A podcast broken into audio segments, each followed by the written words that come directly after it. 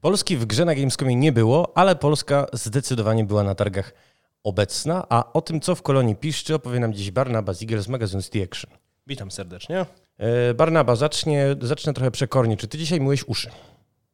Wiedziałem, że zaczniesz e, przekornie. Tak, myłem uszy. Myłeś uszy. No to niestety nie masz warstwy ochronnej, która pozwoliłaby no, osłonić cię przed wulgaryzmem, jakiego planuję użyć. Może więc go mm, porzucę. E, zanim jeszcze przejdziemy do omawiania, co na Gamescomie, to chciałem cię zapytać o taki trochę szerszy obrazek polskiej branży. Ostatnio bowiem usłyszałem od jednego ze znajomych, no, mocno w niej siedzącego, że szykuje nam się jesień, no powiedzmy, że w pierniczu. No powiedzmy, że w pierniczu. I rzeczywiście w toku różnych ogłoszeń, zarówno podczas Gamescomu, jak i tuż przed, no wyłania się obraz y, branży, która ma sporo do udowodnienia. Spisałem sobie, słuchaj, e, premiery, jakie nas czekają w nadchodzących miesiącach. I tak, 26 e, września, Cyberpunk Widmo Wolności, zaraz Cię będę pytał na pewno trochę więcej. 20 e, września Witchfire, 4 e, listopada Thief Simulator 2, 12 Tribe, 13 Lords of the Fallen, 18 Alaskan Road Trackers, 24 Dark Envoy, 26 Ghost Runner 2, 2 listopada Robocop Rock City, 6 listopada Invincible, 14 grudnia House Flipper, a przecież jeszcze w pierwszej połowie roku przyszłego premiery The Alters i Frostpunka drugiego. To są wszystko bardzo duże gry, które są robione od wielu lat za niemałe pieniądze. Natomiast, no właśnie, pytanie, czy nie szykują nam się w branży jakieś teraz bardzo poważne w związku z nimi ruchy tektoniczne? Czekaj, czy wszystkie z tych gier, które wymieniłeś, są robione, e, że przez wiele lat to nie wątpię, ale czy za wielkie pieniądze? Tak. Inaczej może. Hmm. Oczywiście Sądzę, że to są budżet jakby... budżetowi nierówny. No właśnie. Tak, tylko no widzisz, jeżeli Witchfire tworzy, to jest gra mm, Adriana Chmielarza tworzona przez chyba 7 lat, jeśli się nie mylę. Bardzo długo na pewno. E, Lords of the Fallen, e, już Jeszcze nawet długo. nie muszę mówić, ile CI Games ten projekt stara się zrealizować. E, no Ghost Runner re, relatywnie krótko, no ale to są wszystko jakościowe projekty, nie żadne efemerydy, które mogą dla wielu studiów stanowić być albo nie być, a są wszystkie przynajmniej hmm. kontrowersyjne. No na pewno ten wysyp jest gigantyczny, a wymieniłeś tylko przecież e, polskie e, tytuły. Przecież e, nie, nie brakuje zagranicznych w tym, w tym takich pożeraczy czasu. No jeden wyszedł na szczęście na początku sierpnia, Baldur's Gate 3. Ale też sezon urlopowy był, może niektórzy dopiero siądą do niego albo skończą gdzieś tam we wrześniu, w październiku. Przed nami Starfield. Też gra na kilkadziesiąt, może kilkaset, może jeszcze więcej godzin. To Więc... od razu cię zahaczę, przepraszam o te dwa tytuły, muszę, bo y, będę cię wypytywał zaraz o dodatek do Cyberpunka. Powiedz mi, powiedz mi, czy decyzja, żeby się wstrzelić klinem między premiery Baldur's Gate'a III a Starfielda, nawet jeżeli build, a wiemy, mamy takie przecieki, że jest w niezłym technicznie stanie, to przypadkiem nie jest pocałunek śmierci. Znaczy, Cyberpunk jest po Starfieldzie, bo Starfield to wychodzi już za chwilę, a Cyberpunk na koniec września, 26 bodajże. Natomiast się na pewno wbija klinem pomiędzy. 26 tak. Pomiędzy, na pewno się wbija klinem pomiędzy Starfielda i jakieś tam późniejsze premiery jak Assassin's Creed Mirage mhm. E, czy, czy, czy nowe Call of Duty. Kurczę, mam poczucie, że to takie pytanie trochę, trochę nie do mnie, bo ja mam tą perspektywę taką stricte dziennikarską. My opisujemy po prostu wszystko jak leci i czasami nie starcza czasu nawet, żeby wszystko opisywać, bo jest tego za dużo. Natomiast e, pytanie bardziej do specjalistów od sprzedaży, jak, jak wygląda dzisiaj portfel konsumenta, ile jest w stanie e, udźwignąć. Na pewno tych gier jest bardzo dużo, ale też mam poczucie, że co roku mamy dużo gier. Co, co, roku się łapiemy za głowę, że o rany, kiedy my w to wszystko zagramy, znowu tak zwana kubka wstydu urośnie, e, znowu kiedy nie będzie tego ograć. E, jednocześnie sądzę, że wszyscy e, dobrze wiemy, że e, często kupujemy gry na zapas. Mhm. Ostatnio widziałem pięknego, pięknego mema, jakiś basen, w którym jest ileś tam tonących jakichś stworków, na każdym napisane Unfinished Game i tam ktoś, kto wyciąga e, rękę po nową grę, żeby dodać do biblioteki, do Steama. E, więc czy ktoś wybierze jedną grę tej jesieni tylko, czy może jednak wybierze kilka i ją sobie e, właśnie ułoży na kubkę, żeby po kolei ogrywać? Tego nie wiem. Sądzę, że może tak być. E, ale to, co widzę, zwłaszcza jeszcze bardziej po tym Gamescomie, to to, jak strasznie rozparcelowana jest nasza branża. Jak e, miałem właśnie z kimś taką rozmowę, że e, kiedyś, zwłaszcza w Polsce, która była głównie pecetowa, e, grało się, mam poczucie, we wszystko. Mhm. We wszystko, co nowe, w miarę dostępności. Jak ktoś nie miał, to mógł pewnie pożyczyć od kogoś taką grę. Natomiast dzisiaj jesteśmy w takich troszeczkę swoich banieczkach, znaczy dzisiaj, już od wielu lat, że gramy w jakiś jeden rodzaj gry, a o tym, że jakaś super popularna gra gdzieś tam wystrzeliła, nawet nie mamy, nie mamy pojęcia. Hitem Lipsa przecież było Dave the Diver, gra, której się nikt nie spodziewał, że, że zrobi taką sensację. E, teraz e, była premiera Sea of Stars, JRPG, który też w jeden dzień 100 tysięcy e, bodajże sprzedał i też pewnie idzie gdzieś tam w kierunku miliona, ale jednocześnie to wcale nie sprawiło, że jakby inne tematy nie są popularne. Więc wydaje mi się, że graczy na świecie jest na tyle dużo, że znajdą się ci, którzy się poświęcą cyberpunkowi, ci, którzy się poświęcą Lords of the Fallen, albo ci, którzy na przykład tutaj wspomniany nie wiem, Thief Simulator. Może to jest, jest załóżmy grupa, nie wiem, kilkudziesięciu osób, które czekają bardzo na tej. Na nie, nie, nie, to nie jest grupa kilkudziesięciu osób. Ja ci od razu powiem, że Thief Simulator tysięcy. pierwszy sprzedał się ostatnie dane, to było 2,1 miliona. Podejrzewam, że już trójkę magiczną przebił. Tylko. Dlaczego? To, bo zgromadziłem tutaj celowo mhm projekty głośne, ale też ryzykowne. Akurat Thief Simulator został odebrany twórcom Noble Muffin Studio i tworzy go jednoosobowy Mr. Ciastku, który jest autorem e, masturbacyjnego symulatora e, One King Simulator oraz e, Znamy trylogii tytuł. onanizatorskich horrorów Don't Get Caught i tworzy go nieomal jednoosobowo. W dodatku gra będzie legitymowała się perspektywą trzecioosobową, to jest dość duża zmiana względem poprzedniczki. I takich właśnie znaków zapytania tak naprawdę na tej liście jest bardzo wiele, ale może wróćmy do mm, no, gry, którą widziałeś już w akcji, o której jestem przekonany, że masz wyrobione mocne zdanie, czyli Cyberpunk Widmo Wolności. Widziałem, nie mam wyrobionego mocnego zdania, bo grałem na, e, na, na pokazie, który był bodajże na początku lipca mhm. E, i nie było za wiele czasu na tę grę. E, przez z 60 minut, mniej więcej połowa, to, był, to była taka wstępna misja tutorial, w której tam w dodatku ciężko się było przebijać jakby przez kolejne dialogi, żeby szybciej wyjść na ten otwarty świat i coś zobaczyć, więc ja siłą rzeczy nie zobaczyłem za dużo, no natomiast na pewno e, jakby to, że cyberpunk jest już naprawiony, naprawiony to wiemy mhm. od zeszłej jesieni. Także tutaj e, też wydaje mi się strach przed tym, że ta gra będzie średnio działała jest no może, nie, nie, może nie jest nieuzasadniony, ale na pewno jest zdecydowanie mniejszy. Ja widziałem tę grę w kapitalnym stanie. E, z, z, z, nową zawartością. Tej, w ogóle tej, zawartości ma być strasznie dużo. E, jest ten cały patch 2.0, który wprowadzi jakieś tak, dodatki tak, i, i, i, jeszcze dodatek z całą nową linią fabularną, która myślałem kiedyś, że to będzie rozwinięcie gry po jej zakończeniu albo w ogóle taki totalny standalone. Tymczasem to jest wpisane w to główne playthrough, także jak ktoś przeszedł, to będzie musiał przejść jeszcze raz, żeby zobaczyć to DLC. Natomiast no, wygląda to po prostu fantastycznie. E, niestety na własne oczy nie widziałem pościgów, za to kolega e, z, z, z redakcji, szef naszego news, newsroomu, Raymond, miał okazję, stwierdził, że e, oleje robienie fabularnych misji i wda się w konflikt, żeby zobaczyć te pościgi z policją i z Maxtakiem i zobaczył i nie mógł wyjść z wrażenia, jak to jest fajnie zrobione. Więc jest to, mhm. jest to pewnie pewniak. Natomiast też tak dużo się o cyberpunku mówi i pisze, że mam poczucie, że tutaj jakby to ostrze jest, zainteresowania jest trochę nawet zwrócone bardziej w stronę innych gier. A może nie bardziej, tylko no jest równie duża uwaga idzie w stronę w stronę innych polskich tytułów. Naprawdę? Ja Powiedz mi, jak jest z klikalnością newsów teraz o cyberpunku, bo na pewno masz dostęp do panelu, który ci pokazuje. To znaczy, czy to jest dalej temat chodliwy? Tak. Tak? Mhm.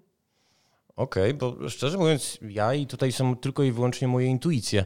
E, ale widzę pewne, ja nie wiem, zmęczenie tym tematem. Znaczy, no, nie ma co ukrywać, że to już nie jest tak jak e, gdzieś tam w okolicy premiery, ani, ani, ani po premierze, gdzie ludzie czekali na te newsy, gdzie czekali na informacje o, kolejne, o kolejnych patchach, zwłaszcza, że CD Projekt Red, e, że tak powiem, produkuje dużo kontentu, jeśli chodzi o E, o jakieś tematy do newsowania przez ostatni miesiąc i też pewnie przez ostatni miesiąc będzie. No więc siłą rzeczy to nie jest tak, że da się e, z, zbudować zainteresowanie każdym newsem, natomiast tak, ludzie cały czas chcą o tym czytać. Jednocześnie no, muszą walczyć o uwagę z innymi rzeczami, na przykład jest, jest Starfield.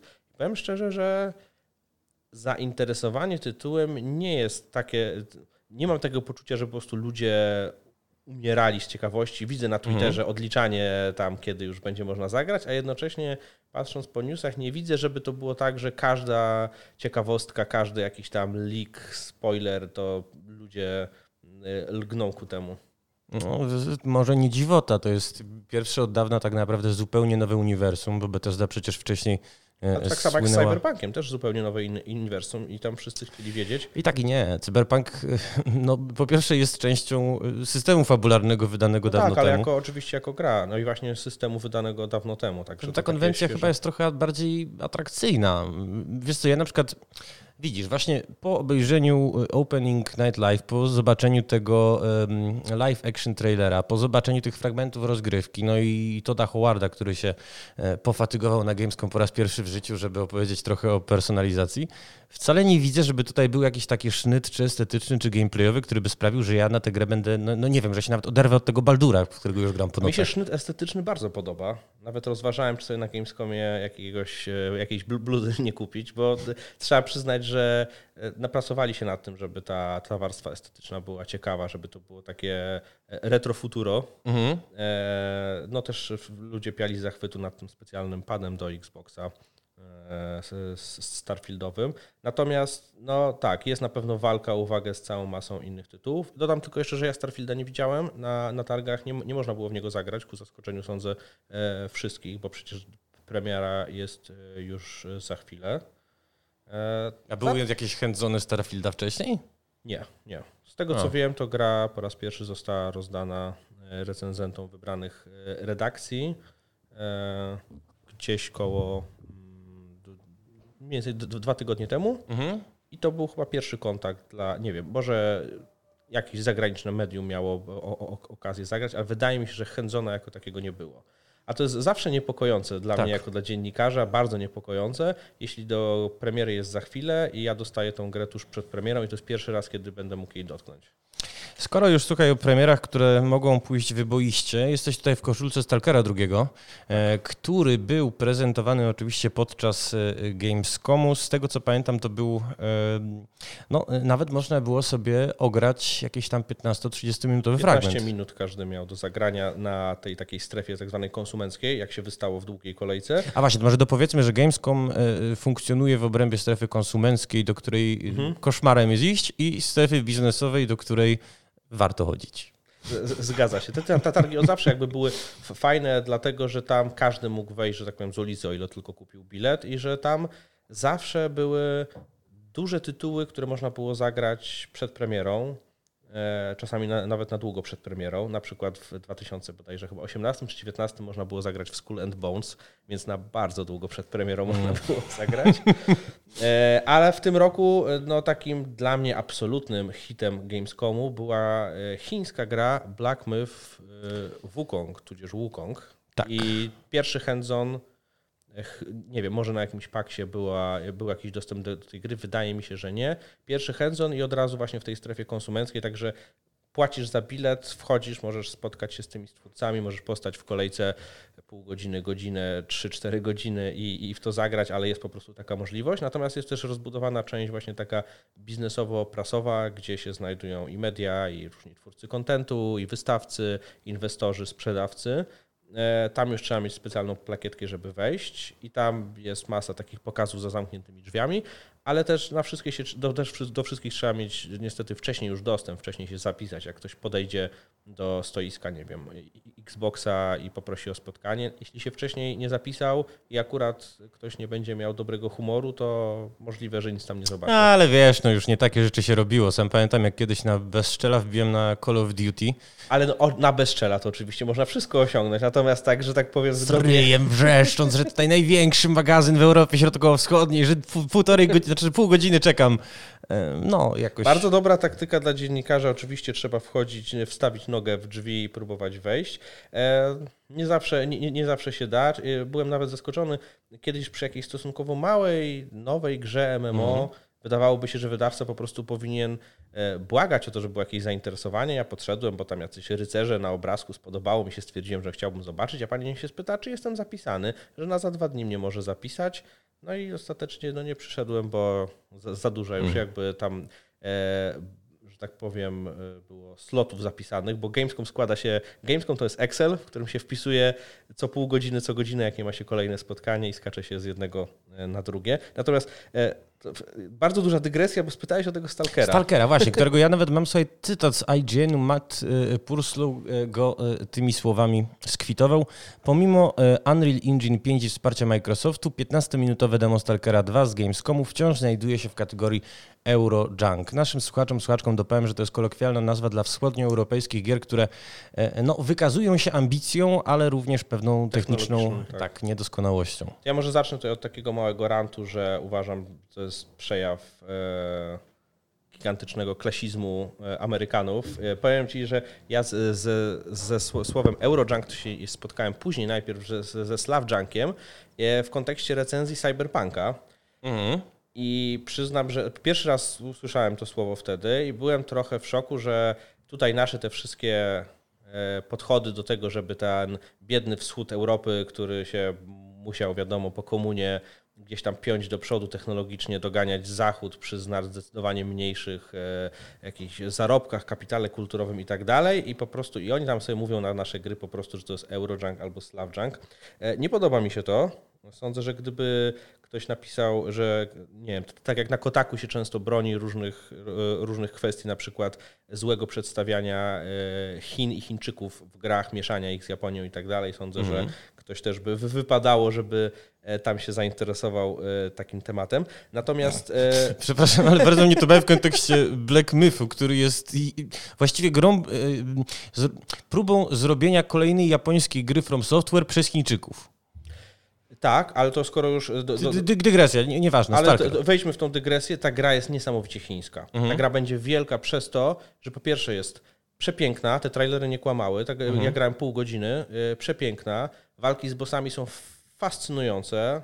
E, tam naprawdę masa, masa kreatywnych pomysłów za tym stała. System walki jest oryginalny. E, co jest oryginalnego, bo to wygląda jak taki Souls-like. Wiesz co, oryginalne jest to, że jakby skaczemy między trzema, trzema stylami walki, które się różnią tak naprawdę tym głównym, silniejszym ciosem. Mhm. W jednej mamy mocniejsze uderzenia, w drugim mamy e, sztychy, natomiast w trzecim... Co to są sztychy? Sztych, e, takie parada, takie wypchnięcie w przód. Kiedy możesz z jakiejś... E... Sunięcie się mówiło w szermierce, kiedyś pamiętam. Nie, nie, w, w szermierce jest właśnie parada. Nie, co ty, jest wypad, Ćwiczyłem rok, sunięcie, ja wypad, też przepraszam, wypad. No oczywiście, W każdym razie chodzi o pchnięcie przeciwnika, który jest jakiejś odległości, natomiast najciekawsza jest trzeci, trzecia postawa, która się nazywa Pillar Form i to jest e, postawa, w której my się wspinamy na kij i ataki przechodzą pod nami. I hmm. e, nie ma bloków. No. Nie ma bloków w tej grze, więc, nie, więc gra nie polega na tym, aby robić e, te takie perfekcyjne kontrataki i parowanie, tylko są uniki albo wspinanie się na tym kij, który nam zużywa tą staminę.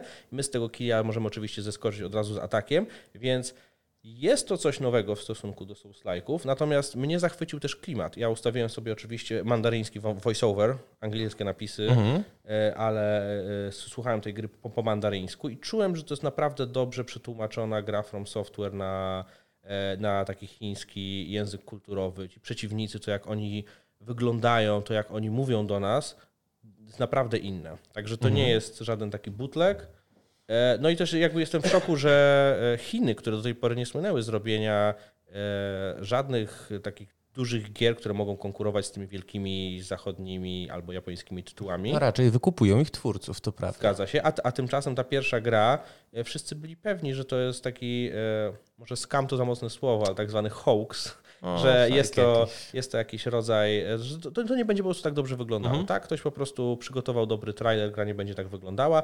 Półgodzinne demo udowodniło, że jest zupełnie inaczej.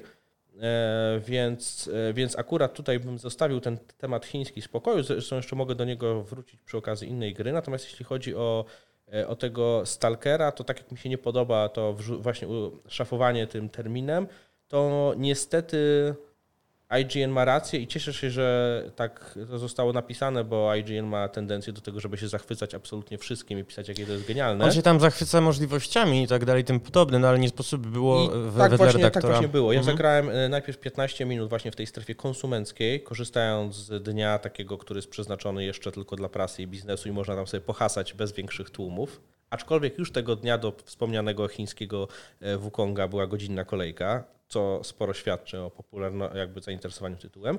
Natomiast później jeszcze zaproszono mnie do stoiska Xboxa Bethesdy, gdzie można było już na spokojnie pograć trochę dłużej. No i ja jestem bardzo zaniepokojony stanem tej gry. Mhm. Tym, że graficznie ona bardzo mocno odstaje od dzisiejszych tytułów, że to jest po prostu środek wcześniejszej generacji. Słyszałem, że twarze są tragicznie zrobione. Bardziej mnie inne rzeczy okay. ma martwiły. No nie priorytet w shooterze. Jak, jak AI, różne jakieś glicze. E... A co z AI nie gra? No na przykład przeciwnicy, którzy się tyłem do ciebie odwracają i próbują uciekać i przyjmują całą serię na plecy. Wiem, że to niehonorowe tak strzelać, ale no, jest to zona, tutaj wszystko jest możliwe.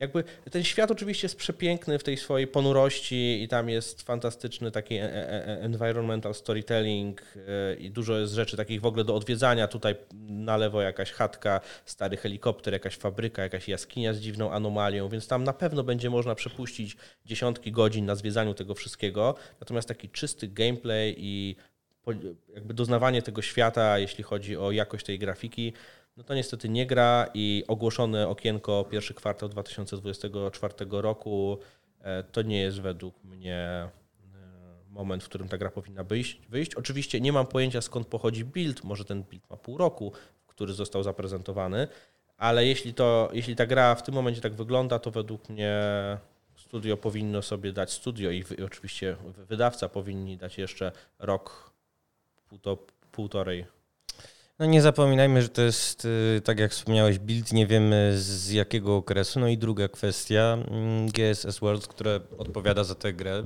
nie miało tak naprawdę łatwych dwóch lat ostatnich. No miałem też rozmowę później z twórcami i też przyznam szczerze, że nie jest łatwo tak wprost e, mówić o tej grze e, właśnie w takim krytycznym tonie. Oczywiście no jakby Ale takie może powiedzmy też być... słuchaczom, słuchaczkom dlaczego, bo to jest studio ukraińskie, które zresztą bardzo szybko e, zabiło na alarm, zaczęło zbierać pieniądze dla armii ukraińskiej. Tu również e... z polskim, polski game dev, który jako pierwszy globalnie stanął na froncie tym zbierania pieniędzy. Natomiast e, GSC szukało no, swojego nowego domu znalazło go w końcu w Pradze, natomiast nie wszyscy się tam przenieśli. Jest mhm. jeszcze sporo twórców, którzy pracują na Ukrainie i tutaj wspomniałem o AI.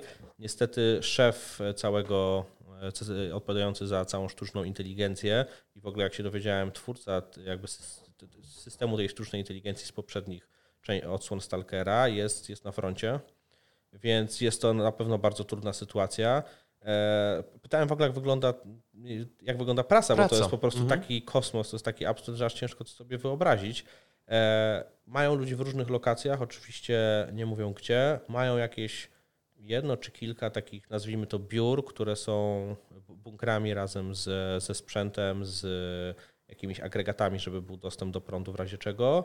Są też ludzie na froncie, którzy podobno w jakichś momentach, nie wiem, przerwy czy takiego zluzowania siedzą i niektórzy piszą questy, bo A. pomaga im to e, jakby odetchnąć, jakby to jest znaczy, wiesz, taki eskapizm. Właściwie to zupełnie unikalne doświadczenie, żeby zagrać w grę, no, która się toczy w realiach post-apo do osoby, która no, siedzi właśnie w okopie. Siedzi w realiach apo. Siedzi tak. tak, w realiach apo. Tak, także tak. No jest to, jest to dosyć takie doznanie E, niespotykane chyba do tej pory, więc no jakby siłą rzeczy część, część tej gry może jeszcze nie działać tak jak, e, tak jak powinna. Według mnie tutaj główna siła powinna być w wydawcach, czy na przykład w takim Microsoftie, który przecież dodaje grę do swojego Game Passa, w tym, żeby e, jednak jeszcze dołożyć trochę finansów i pozwolić im dłużej zrobić tą grę, żeby ona jednak na premierę była AAA, a nie Eurojunkiem. Eurogemem, a nie Eurojunkiem. Eurogemem, tak. E, dobra, to zejdźmy już może z tego Stalkera szczęsnego, tudzież nieszczęsnego. E, wspomniałeś e, w bardzo ciepłych słowach o tym Black Myth Wukongu. Faktycznie, to jest chyba tytuł, który jak przeglądałem, przygotowując się do rozmowy w internet, chyba najbardziej rozgrzał tak naprawdę głowy i serduszka. Tak mi się z, wydaje. Z drugiej strony tytuł o tyle problematyczny, że pierwsza faktycznie AAA-owa gra rodem z Chin, bo Chińczycy oczywiście nas prześcignęli e, powielokroć, ale w produkcjach freemium, w produkcjach przeznaczonych na komórki. Ale nie jedyna z tego gatunku. Myślę, y, że sporo też publicity i sporo też dobrych słów zebrało i Lies of P, które było po raz kolejny już prezentowane na targach. Dlatego ja się szczerze mówiąc nie przyglądałem w ogóle tej grze, bo Aha. ona ma za chwilę premierę. Demo jest cały czas dostępne na Steamie, także niespecjalnie jakby tutaj widzę przestrzeń. To już jest taki moment, kiedy zostało na tyle duże ujawnione, E, że już się nie ma mhm. potrzeby wiedzieć więcej, żeby już sobie nie zaspoilować za dużo. Teraz po prostu trzeba poczekać na tą grę i zobaczyć, jak ona wygląda. E, ale rozumiem, zmierzasz do tego, że Souls-like'ów jest dużo. I jeszcze jest y, jeden z, z tego triumviratu, myślę tutaj o Lords of the Fallen. Fallen. E, Lords of the Fallen bardzo chciałem zobaczyć, mhm. natomiast po pierwsze napięty kalendarz, a po drugie my już mieliśmy okazję widzieć tę grę na specjalnym pokazie w Londynie zorganizowanym na początku sierpnia. E, więc dowiedziałem się, że będzie dokładnie to samo pokazywane na Gamescomie, więc jakby chciałem tak towarzysko wpaść, ale nie starczyło czasu. No i z relacji naszego autora, e, który jest jednym z największych fanów Souls-like'ów w redakcji. Jak to pisał? E, Tomasz Lubczyński, czyli Nino. Mhm. Wynika, że będzie to naprawdę bardzo kompetentna i solidna gra. Jednocześnie jest tam jeszcze trochę takich rzeczy, które no, sprawią, że do tego poziomu From Software się raczej nie da, nie, nie da zbliżyć. E, ale no nie będzie to, nie będzie to krap. No bardzo mi się podobał ten patent, bo widzisz, ja śledziłem to sobie po, po wielu, wielu, bo chyba 9 lat z rzędu byłem na Gamescomie. E, jestem drugi rok na czujce w mhm. Warszawie. No i śledząc bardzo mi się spodobało to przełączanie się między dwiema rzeczywistościami, które mi trochę Soul Riverem gdzieś pachniało. No i cała ta estetyka jest właściwie wielokrotnie to, sprawdzona. Nie powiem, to że pachnie The Medium. The Medium. Zresztą mieliśmy w lipcu premierę, albo nie pamiętam, czy, czy, czy już pełną, czy early accessu, też we warszawskiej gry horroru. Przepraszam, zapomniałem tytułu której też naczelnym patentem jest e, to, że się przełączamy między tam jakimiś dwoma światami. I nadchodzi jeszcze jedna gra, w której będzie ten sam patent. Horroru? A tak, wiem. Będzie to Inkwizytor, którego też widziałem na Gamescomie. A właśnie, bo Inkwizytor mnie też bardzo słuchaj ciekawi, ponieważ tak, e, po zademonstrowaniu gameplayu pierwszego posypały się na studiu do Dust oskarżenia, Oj, tak. że to jest właściwie gra z PlayStation 2. 3. I PlayStation 2, PlayStation 3 nie istotne. Nie, no już tak okrutnie nie Zamieszkła takie... przeszłość. I teraz tak, e, oglądam trailer Gamescomowy. Zresztą ja temu projektowi całkiem kibicuję, pomimo, że nie znoszę Jacka Piekary. E, przeglądam trailer Gamescomowy. Pierwszych 15 sekund na minutę raptem to są jakieś statyczne obrazki i napisy. Następnie otrzymuję 45 sekund, z którego nie wiem, czy coś wynika tak naprawdę. Ja trailera nie widziałem. Widziałem za to przez jakieś pół godziny oglądałem grę razem z twórcami, usiadłem, także mhm. oni na bieżąco pokazywali. No i powiem Ci, że to jest ciekawy przypadek. Jakby to jest jakby chyba osobny gatunek wynaleziony, bo mam poczucie, że to jest takie e, książka przełożona na język gry w takim sensie, że to nie będzie RPG, mhm. nie będzie gra, w której nasz Mortimer będzie miał e, jakieś ulepszane statystyki, będą umiejętności zdobywane w nieświecie, czyli właśnie w tym takim underworldzie, ale one będą zdobywane fabularnie, a nie w zależności od naszych postępów. Nie będzie rozwoju systemu walki. Zresztą sama walka no, wygląda tak e, po prostu, żeby była, nie wygląda jak coś, co miałoby być bardzo, bardzo ciekawe na dłuższą metę. Natomiast to, co będzie siłą tej gry, tak mi się wydaje, e, będzie to, że tam jest Dużo rozmów, dużo gadania, dużo klimatu tego inkwizytora. Wszystko będzie otoczone, będzie, wszystko toczy się wokół jakiegoś jednego wielkiego śledztwa. Więc będzie to chodzenie między lokacjami, które przyznam, że na ten moment wyglądają bardzo, bardzo przyzwoicie. Mhm. Animacje, e, twarze postaci już gorzej, ale same postacie, yy, jakieś różne części miasta, rynki, pałace, wnętrza jakiegoś klasztoru, to naprawdę wygląda bardzo ładnie. Więc jest taki gatunek takiej chodzonej gry, w której po prostu chodzimy, doznajemy, gadamy i to wydaje mi się będzie coś takiego. Taki interaktywny film trochę. Trochę, trochę tak, tylko no, jakby tam sterujemy swoją postacią wszędzie. E, widziałem też. Mam w ogóle nadzieję, że mogę to wszystko mówić, bo nie, nie przypominam sobie, możesz, absolutnie. czy było jakieś, e, czy coś o jakimś embargo. Niektóre pokazy gamescomowe były objęte jakimś dłuższym embarkiem, czyli taką umową, że tam e, wydawca czy twórcy życzą sobie, żeby dopiero od jakiegoś tam dnia mówić o tej grze. Mhm. Mam nadzieję, że to i tak nie jest. E, widziałem jedną walkę z, z bossem. To już wyglądało troszeczkę nieporadnie i trochę to wszystko pachniało takim próbą zrobienia kopii wycinka Wiedźmina, bo główny bohater ma bardzo wyczulony węch i widzi jakieś takie pozostałości po, po zapachu.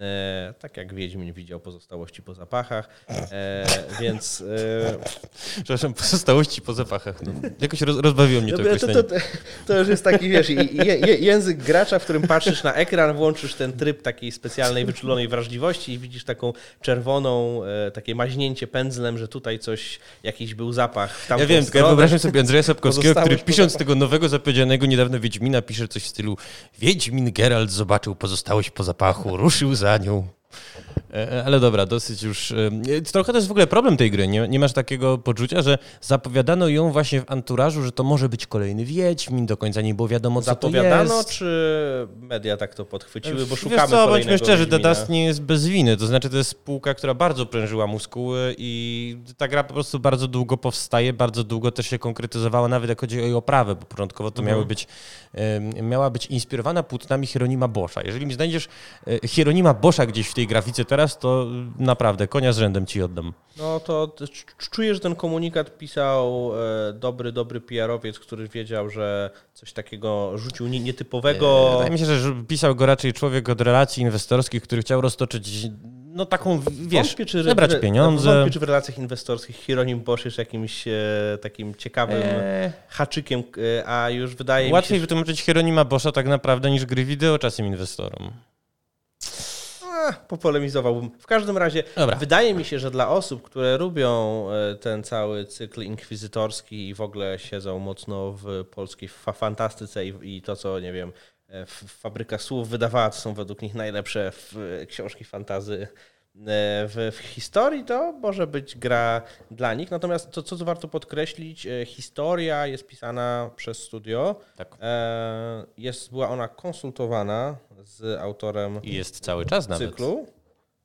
Natomiast jest to ich autorska historia, więc też jakaś wartość dodana, że będzie to coś nowego, a nie coś znamy z, z książki. Generalnie nie skreślałbym tego ty tytułu, natomiast na pewno będzie ważne dla tego studia, żeby mocno komunikować, czym to jest, bo jeśli będą to komunikowali jako akcyjniaka, w którym się właśnie bijemy, walczymy z jakimiś demonami w, w, tym nieświecie, co jest prawdą, to ludzie mogą być rozczarowani efektem końcowym. Natomiast właśnie gadanie, śledztwa, klimat na plus. Myślę, że słuchaj, konsekwentnie e, starali się ten, to, to, pierwsze wrażenie e, gdzieś tam może nawet nie tyle powściągnąć, co doprecyzować i już trochę wiemy, czym jest Ja Inquisitor.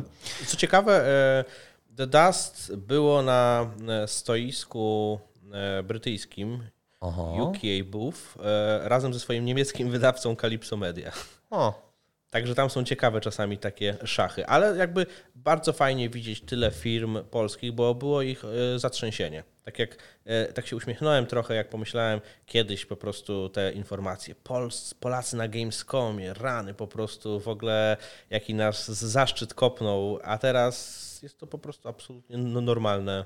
Tych stoisk jest dużo, było olbrzymie stoisko w strefie konsumenckiej Lords of the Fallen.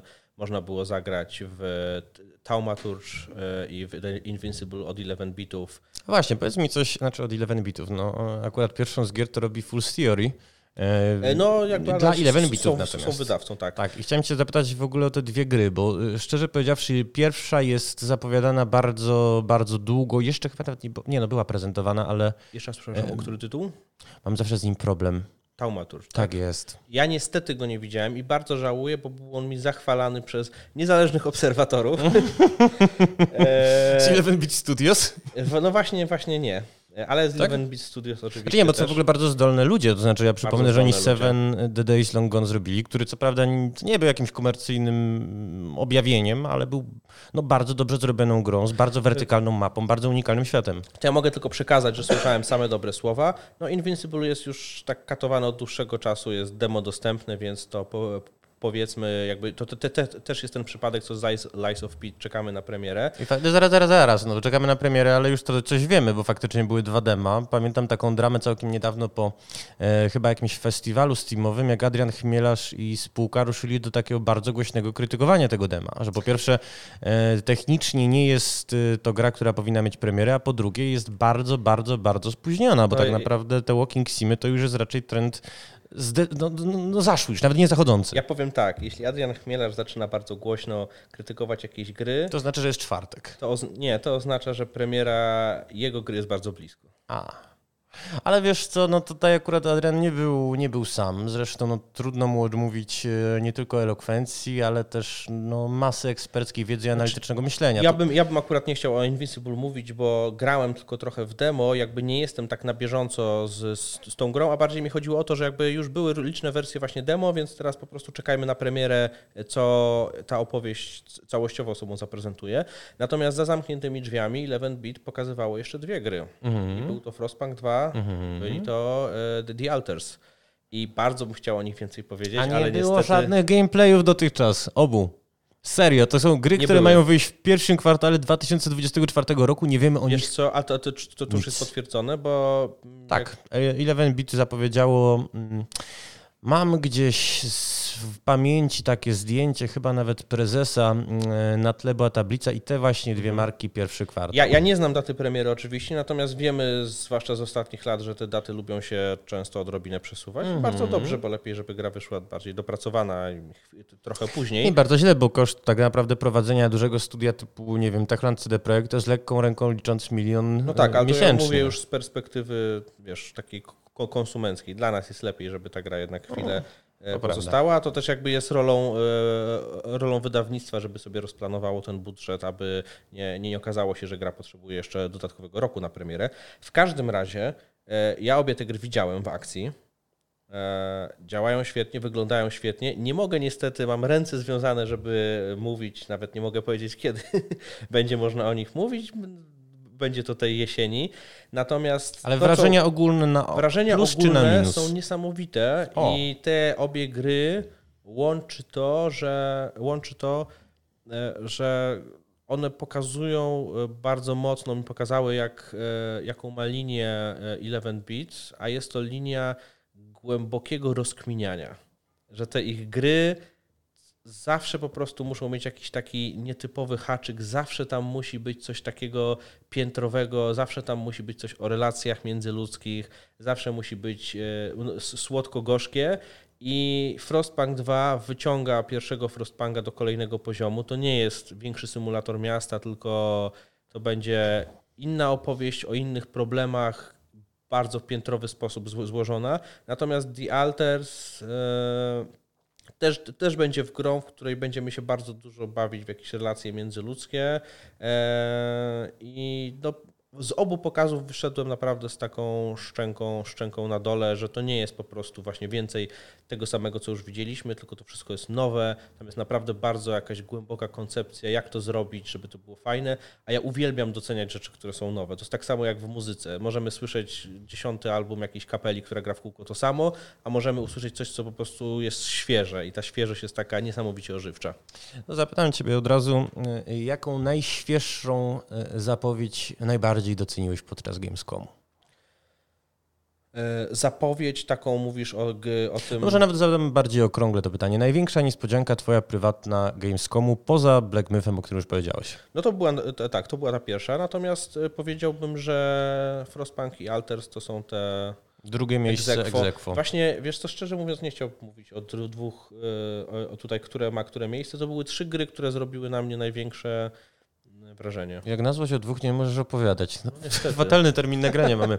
E, ja sobie jeszcze wypisałem, słuchaj, kilka rzeczy, które mnie, no, może z braku lepszego e, określenia zaskoczyły.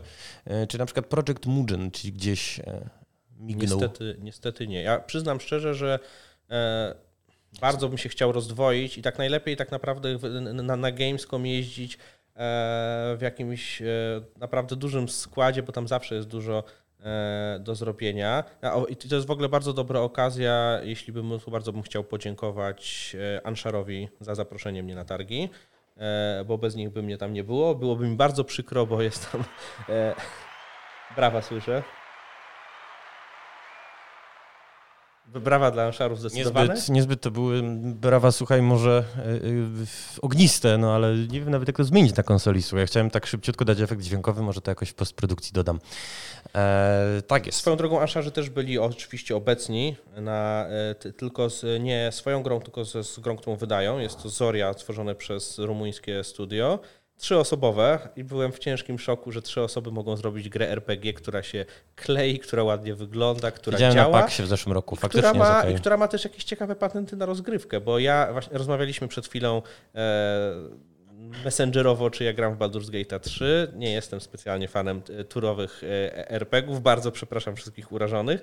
Natomiast ta gra była na tyle dynamiczna, E, co zresztą jest jakąś takim wyróżnikiem, że ja to, ja to faktycznie kupiłem. No i te trzy osoby, jest to dosyć jest to dosyć szokujące. Jakby widziałem tak shootery robione przez trzy osoby, e, różne gry, ale RPG, który będzie na jakieś kilkadziesiąt godzin. No. Chain of Echoes, panie kolego, nieomal solista zrobił, zeszłorocznego JRPG'a. Zresztą bardzo wysoko ocenianego. Już nie takie przypadki game devy widział.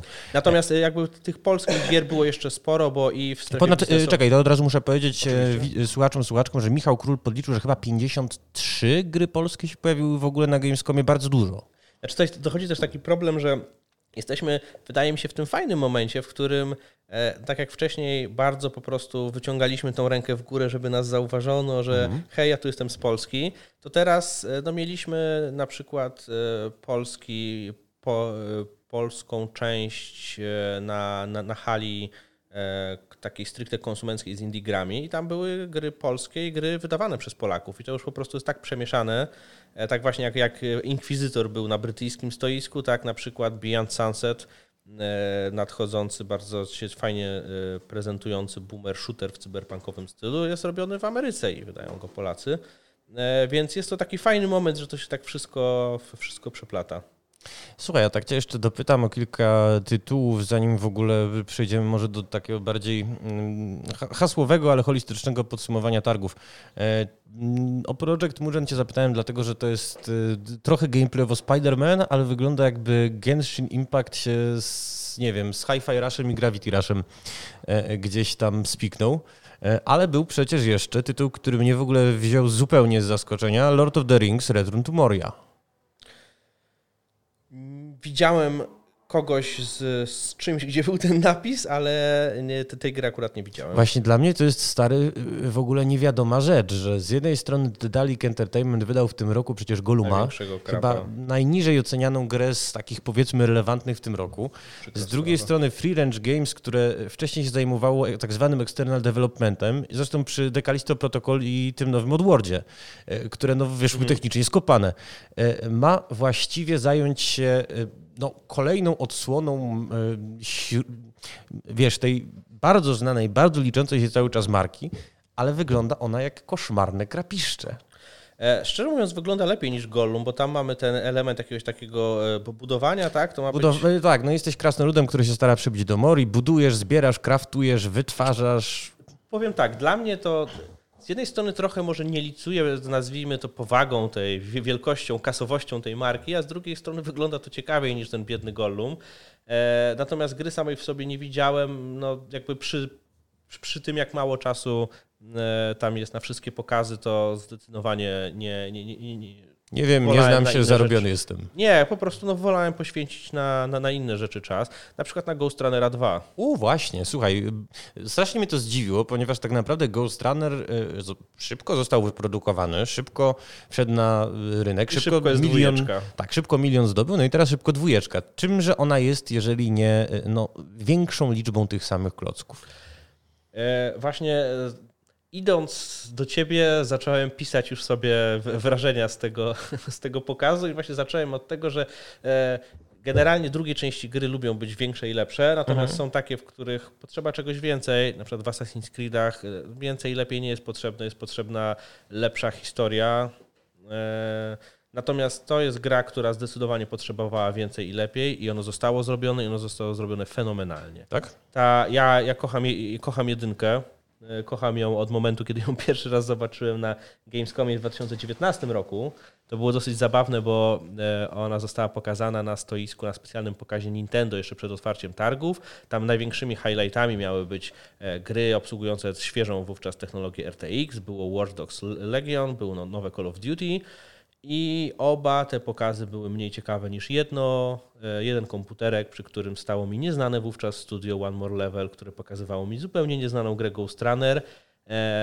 Ja się w niej od razu zakochałem, pełna wersja się okazała w ogóle spełnieniem jakichś marzeń, które miałem wobec tej gry. Ty, ale czy ty coś tutaj nie konfabulujesz? Bo ja byłem w 2019, to chyba to był rok, jak oni prezentowali tę grę po raz pierwszy tak. i były normalnie dwa rzędy stoisk i zresztą super skrojone, bo półgodzinne demo targowe. To może mówisz o tej głównej hali gamescomowej, a jeszcze jakby dzień wcześniej była taka impreza Nintendo, e, nie Nintendo, tylko Nvidia w jakiejś osobnej zupełnie przestrzeni o. E, poza Gamescomem. Możliwe, że jakby na Gamescomie jest tak dużo rzeczy, że tam nie trudno nie zobaczyć wszystkiego. No, pewnie tak, no jeszcze jak to impreza Nvidia, no to... Ja, ja, ja, szukałem jednego stanowiska, na które byłem umówiony, nie byłem w stanie znaleźć. E, ja, ludzie obsługujący to stoisko nie byli mi w stanie też powiedzieć, czy tu jest takie stoisko, więc jest to, jest to duża impreza. Wracając do Ghost Runnera, tak. dwójka wygląda cudnie, no już jedynka wygląda świetnie graficznie, natomiast ta gra jest zdecydowanie sprawnie działająca. Jak się teraz wraca, wróciłem do jedynki po targach, to poczułem, że to był technologiczny upgrade, który był bardzo potrzebny. Mhm. E, ale też ta gra ma jakąś taką cudną swobodę grania tym cyberpunkiem, jakimiś easter eggami, e, zapowiadane pościgi, na, e, czy, czy raczej ucieczki, jechanie na tych cybermotorach też zostało świetnie zrealizowane. Jest z jednej strony przyjemne, a z drugiej strony zamienione trochę w taką grę zręcznościową. No wszystko ocieka po prostu takim sosem popkulturowym, że tam się chce być, chce się widzieć więcej, mają być, e, mają być tam e, w pełnej wersji fragmenty e, z ciut bardziej otwartą przestrzenią, gdzie będziemy wybierali, gdzie chcemy pójść. No nie mogę się doczekać, żeby zobaczyć, jak to było zrealizowane.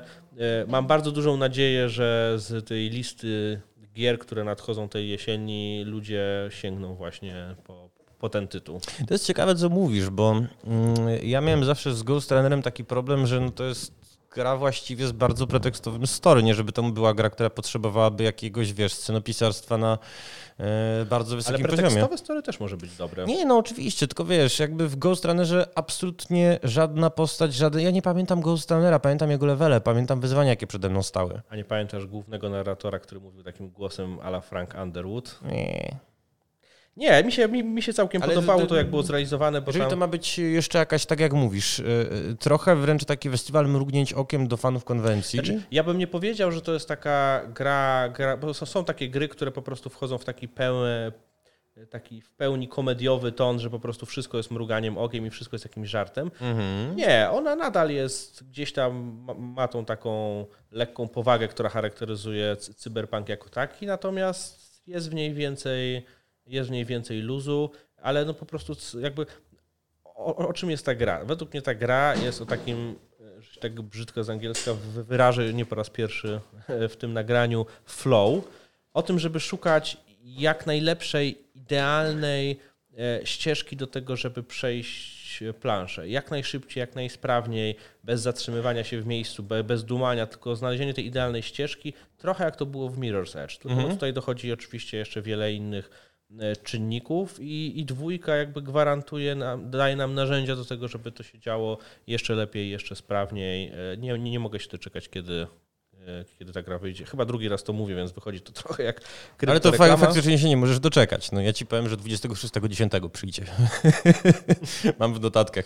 Mam nadzieję, że ja będę miał ciut wcześniej do recenzji. To jeszcze z polskich rzeczy, które się pojawiły na Gamescomie jest jedna, która powinna chyba nadzieję nasze rozbudzać jako Pol Polek Polaków.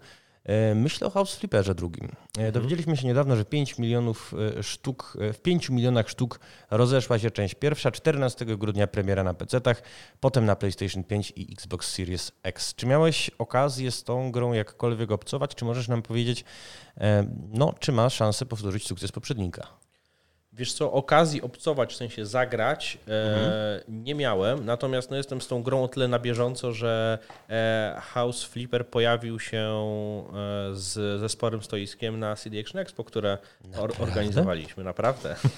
Byłeś tam. Wiem doskonale, no przecież nawet ze sceny żeśmy się przepytywali.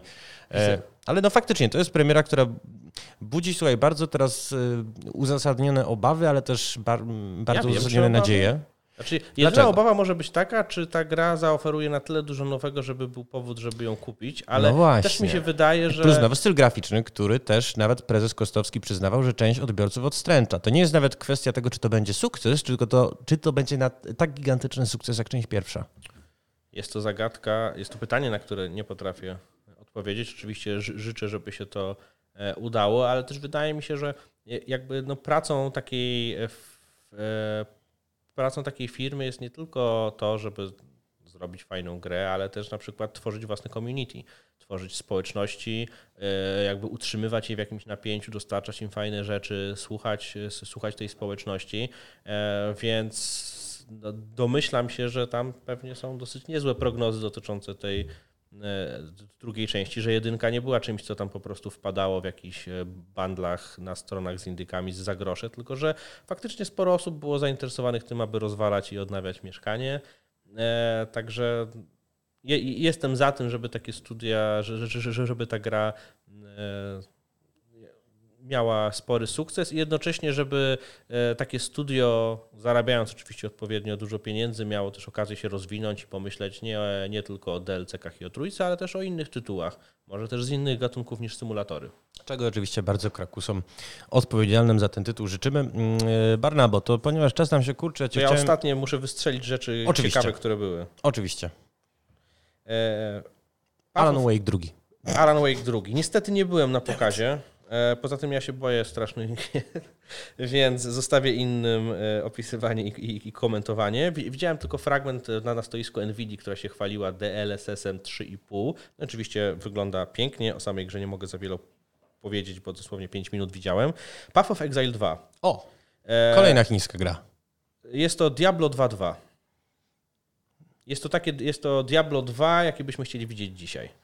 No, Kapitalnie to wygląda i ja jestem bardzo szczęśliwy, jak widzę firmy, które korzystają z tej takiej izometrycznej estetyki do tego, żeby tam po prostu wycisnąć na maksa wszystko, co się da. Żeby to nie były, e, na przykład, nie wiem, Diablo 3 i Diablo 4 są gry zdecydowanie bardziej statycznymi, a mhm. w tym Path of Exile, walki z bossami, to jest po prostu takie wydarzenie. Tam się tyle rzeczy dzieje, jeśli chodzi o jakąś interakcję z, z, otoczeniem, w ogóle to, jak to otoczenie działa, że na jakiejś wyspie, gdzie była kopalnia, siarki, potworki nie stały i nie czekały na nas, tylko wykopywały tą siarkę kilofami. Takie hmm. drobne rzeczy, które po prostu sprawiają.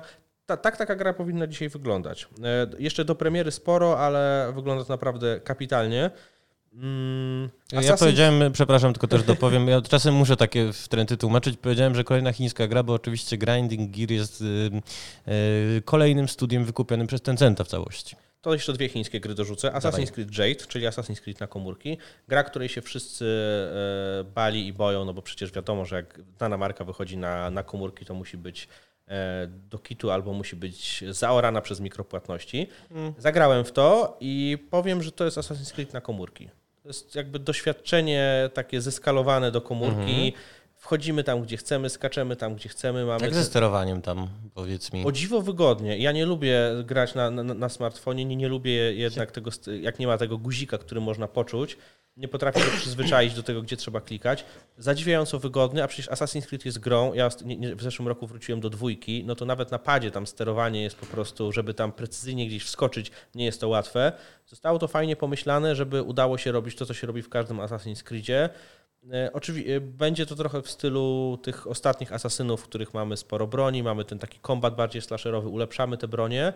Twórcy się zarzekają, że nie wiedzą jeszcze, jaki mają model mikropłatności. W to im oczywiście nie wierzę, e, natomiast... Czy mogą nie wiedzieć, to, ale... Co, to, co obiecują, to, że po pierwsze gra sama będzie darmowa, a po drugie, mhm. że dodatki w postaci nowych terytoriów też będą darmowe. O. To jest bardzo zaskakującą obietnicą, a mikrotransakcje mają, mają pójść głównie w skórki. No i domyślam się też, tak jak w grach e, pewnie Ubisoft, jakieś pakiety e, różnych e, surowców, jakichś tam rzeczy potrzebnych do ulepszania broni, czegoś takiego bym się spodziewał, natomiast to działa, nie jest naprawdę złe. Pytanie, czy ludzie chcą w coś takiego grać faktycznie na komórkach, czy jednak Assassin's Creed nie kojarzy nam się z tym, że siadamy przed kanapą i gramy na dużym ekranie. W każdym razie to działa. E, I jeszcze jedna e, chińska rzecz, która się nazywa Where Winds Meet. To jest taki action RPG z otwartym światem, który na trailerach wyglądał zbyt dobrze ja miałem okazję pójść zobaczyć, czy jak wygląda to zbyt dobrze. No i tu kolejne zaskoczenie, bo o ile graficznie, czy jakby generalnie to nie prezentowało nawet poziomu Ghost of Tsushima, który już ma, ma, ma parę lat, mhm. to mimo wszystko to też działało. Dostałem do ręki pada, mogłem odbyć tam jakąś serię tutorialowych walk. Ta walka już nie souls-like'owa, ale właśnie taka bardziej slasherowa. Dużo jakichś akrobacji w powietrzu. Widziałem na trailer, tam się w ogóle biega po wodzie, jakieś są tam podwójne wyskoki w górę i walka w powietrzu. Tak jak na chińskich filmach akcji, jak przyczajony tygrys, ukryty smok. E, więc ta taka klasyka e, tego stylu, nie wiem, czy się zbłaźnisz, wuxia czy wuxia, to, to ja się zbłaźnię, czy ty się zbłaźnisz, bo ja nie wiem, ja też nie ja tego mówię, powiedzieć. Więc, ja mówię, więc ja się błaźnię. Natomiast to, co jest zastanawiające, to, że to nie, nie, nie, będzie tylko klasyczna gra, w której biegamy od questa do questa, ale też będzie elemental takiego budowania, bo mamy wioskę, w której będziemy stawiali kolejne klocki. Mhm. To brzmi trochę niepokojąco. Ach. I niektóre jakieś budowle mają nam pomóc w questach, natomiast to, co zobaczyłem już tym razem, nie grając samemu, ale tak jak, jak twórcy mi pokazywali, to też nie wyglądało źle. Czy to się wszystko będzie trzymało kupy, czy to na dłuższą metę będzie ciekawe, nie wiem, ale też to nie jest produkcja, którą bym skreślił od razu, bo spodziewałem się, że gra robi ładne wrażenie na, te, na, na filmie, a finalnie się okaże e, taką chińską grą, w której strasznie szybko, strasznie dużo jeszcze mikro, mikrotransakcje wchodzą. Więc wydaje mi się, że naprawdę chiński game dev jest, na, jest w takim przełomowym momencie, w której będzie tworzył gry, które będą wchodziły z powodzeniem na zachodnie rynki i ktoś zaczął rozumieć specyfikę tego, jaka jest potrzeba gry na ten zachodni rynek. Czy podejrzewam, że tak naprawdę ta specyfika była już tam dawno zrozumiana, tylko brakowało pewnego know-how i brakowało też ludzi do tego. No teraz ze względu know na to, to zrozumienie też. E, ty mówisz ziemniaki, ja mówię kartofle, ale tak, no. Wiesz, to pewnie też chodzi o zapotrzebowanie, tak? No mamy tam e, ponad miliard ludzi, więc w sumie po co robić e, ryzykownego Souls-like'a albo Open RPG, Action RPG w zachodnim stylu, jak można zrobić kolejną... Już teraz to jest, ja tylko podpowiem naszym słuchaczom, słuchaczkom, druga tak naprawdę najliczniejsza grupa na Steamie po Amerykanach. E, no i coraz bardziej widzimy, że rzeczywiście, no nawet ze względu na pewne specyficzne chińskie uwarunkowania, te, te zachodnie premiery zaczynają być postrzegane przez chińskie e, oko trochę, trochę inaczej, ale nie o tym. Barnaba, ponieważ już musimy się pomalutko, słuchaj, zbierać do końca. Chciałem w kilku słowach zapytać, e, jak w ogóle ten Gamescom wypadł? Bo wiemy o frekwencji, że przyszło was tam 320 tysięcy ludzi. E, to jest wzrost o 15% rok do roku. Wiemy, że branża eventowa się podnosi po pandemii coraz e, śmielej, e, no ale z drugiej strony w związku z upadkiem chyba ostatecznym już idei E3, które miał przejąć organizator PAX East i PAX West, no tak naprawdę jest to chyba najważniejsza w tym momencie impreza branżowa na świecie, w jakiej jest formie. Znaczy taka konsumencka, bo jednak to E3 zamienione na, nie potrafię spamiętać kolejności, Summer Game Fest, i wydarzenia towarzyszące. Wydarzenia towarzyszące. No jednak jest w czerwcu ten taki, taki szereg konferencji, który się łączy w jakąś spójną ca całość i towarzyszą temu pokazy, które są w Los Angeles. Nie są to już duże targi, ale tam nadal się jeździ na jakieś pokazy, więc wydaje mi się, że taka waga, jeśli chodzi o te najważniejsze zapowiedzi, na razie zostaje tam. Mhm. E, ten, e, ta otwierająca noc Gamescomowa no, nie, nie dostarczyła nam za dużo wrażeń, jeśli chodzi o e, te trailery nadchodzących gier. Ale było GTA 6 i Bill Clinton. no tak, no z GTA 6 było to na pewno ciekawsze e, z tym wbiegnięciem na scenę. Natomiast jeśli chodzi o taką tą bardziej stronę konsumencką, no to na pewno największe targi w tej części świata, bo podejrzewam, że właśnie w Chinach pewnie są jakieś, mogą być jakieś większe. E, jedna rzecz, która według mnie charakteryzuje ten Gamescom, poza tym, że Polacy podbijają świat i Chińczycy podbijają świat, to jest słowo uśmiech. Uśmiech. Ja dawno, znaczy chciałem powiedzieć, dawno nie wyszedłem tak podniesiony na duchu po targach. Nie jest to prawdą, bo niedawno, bo po naszym CD Action Expo wyszliśmy całą redakcją niesamowicie podniesieni na duchu po tym, ile tam spotkaliśmy życzliwych osób, potem w ogóle ile osób się przewinęło na nasze targi, chociaż skala oczywiście inna, u nas 14 tysięcy, tutaj 370. 20. Słucham? 320. 320. Natomiast e, naprawdę miałem poczucie, że wszyscy, których tam spotykam z tego świata biznesowego, game devowego i dziennikarskiego, że wszyscy byli zadowoleni. Oczywiście każdy mówił, że e, każdy mówił, że jest strasznie zmęczony i chce już do domu. Już widziałem pierwszego dnia Gamescomu pięknego jakiegoś mema z jakimś takim martwym homarem i że ktoś się czuje tym martwym homarem już pierwszego dnia. Natomiast e, pomimo tego naprawdę miałem poczucie, że wszyscy są strasznie szczęśliwi, że się spotykają i jakby na żywo można najwięcej, e, najwięcej poznać, najwięcej na żywo można się z czymś dogadać, coś zobaczyć. E, jednak ten kontakt face to face, który nie jest jeszcze oddzielony e, kamerką internetową, tylko jest naprawdę na żywo, e, jest i pozostanie e, bardzo ważny. E, więc taki Gamescom ma rację bytu. Wszystkie targi mają rację bytu, to spotykanie się ma rację bytu. E, no i też mam, nadzieję, że, że ten uśmiech, który widziałem, zwiastuje to, że e, przedstawiciele tych firm, którzy byli uśmiechnięci, są po prostu zadowoleni z Gamescomu, z wyniku z, tego, jakby, jak ludzie odebrali ich produkty, ale też jakie dostaną wsparcie, jakie będą mieli kontakty na różne przyszłe E, przyszłe przedsięwzięcia. No i zapewne e, przyrosty na wishlistach również są przy takiej okazji nie bez znaczenia. Ja sobie wynotowałem na koniec takie ładne zdanie podsumowania w oparciu o to, co mówiłeś teraz. E, martwym homarom dopisał humor. Dziękuję Ci bardzo serdecznie. Moim Państwa gościem był dzisiaj, przypomnę, Barnabas Ziegel z redakcji magazynu City Action. Dziękuję serdecznie.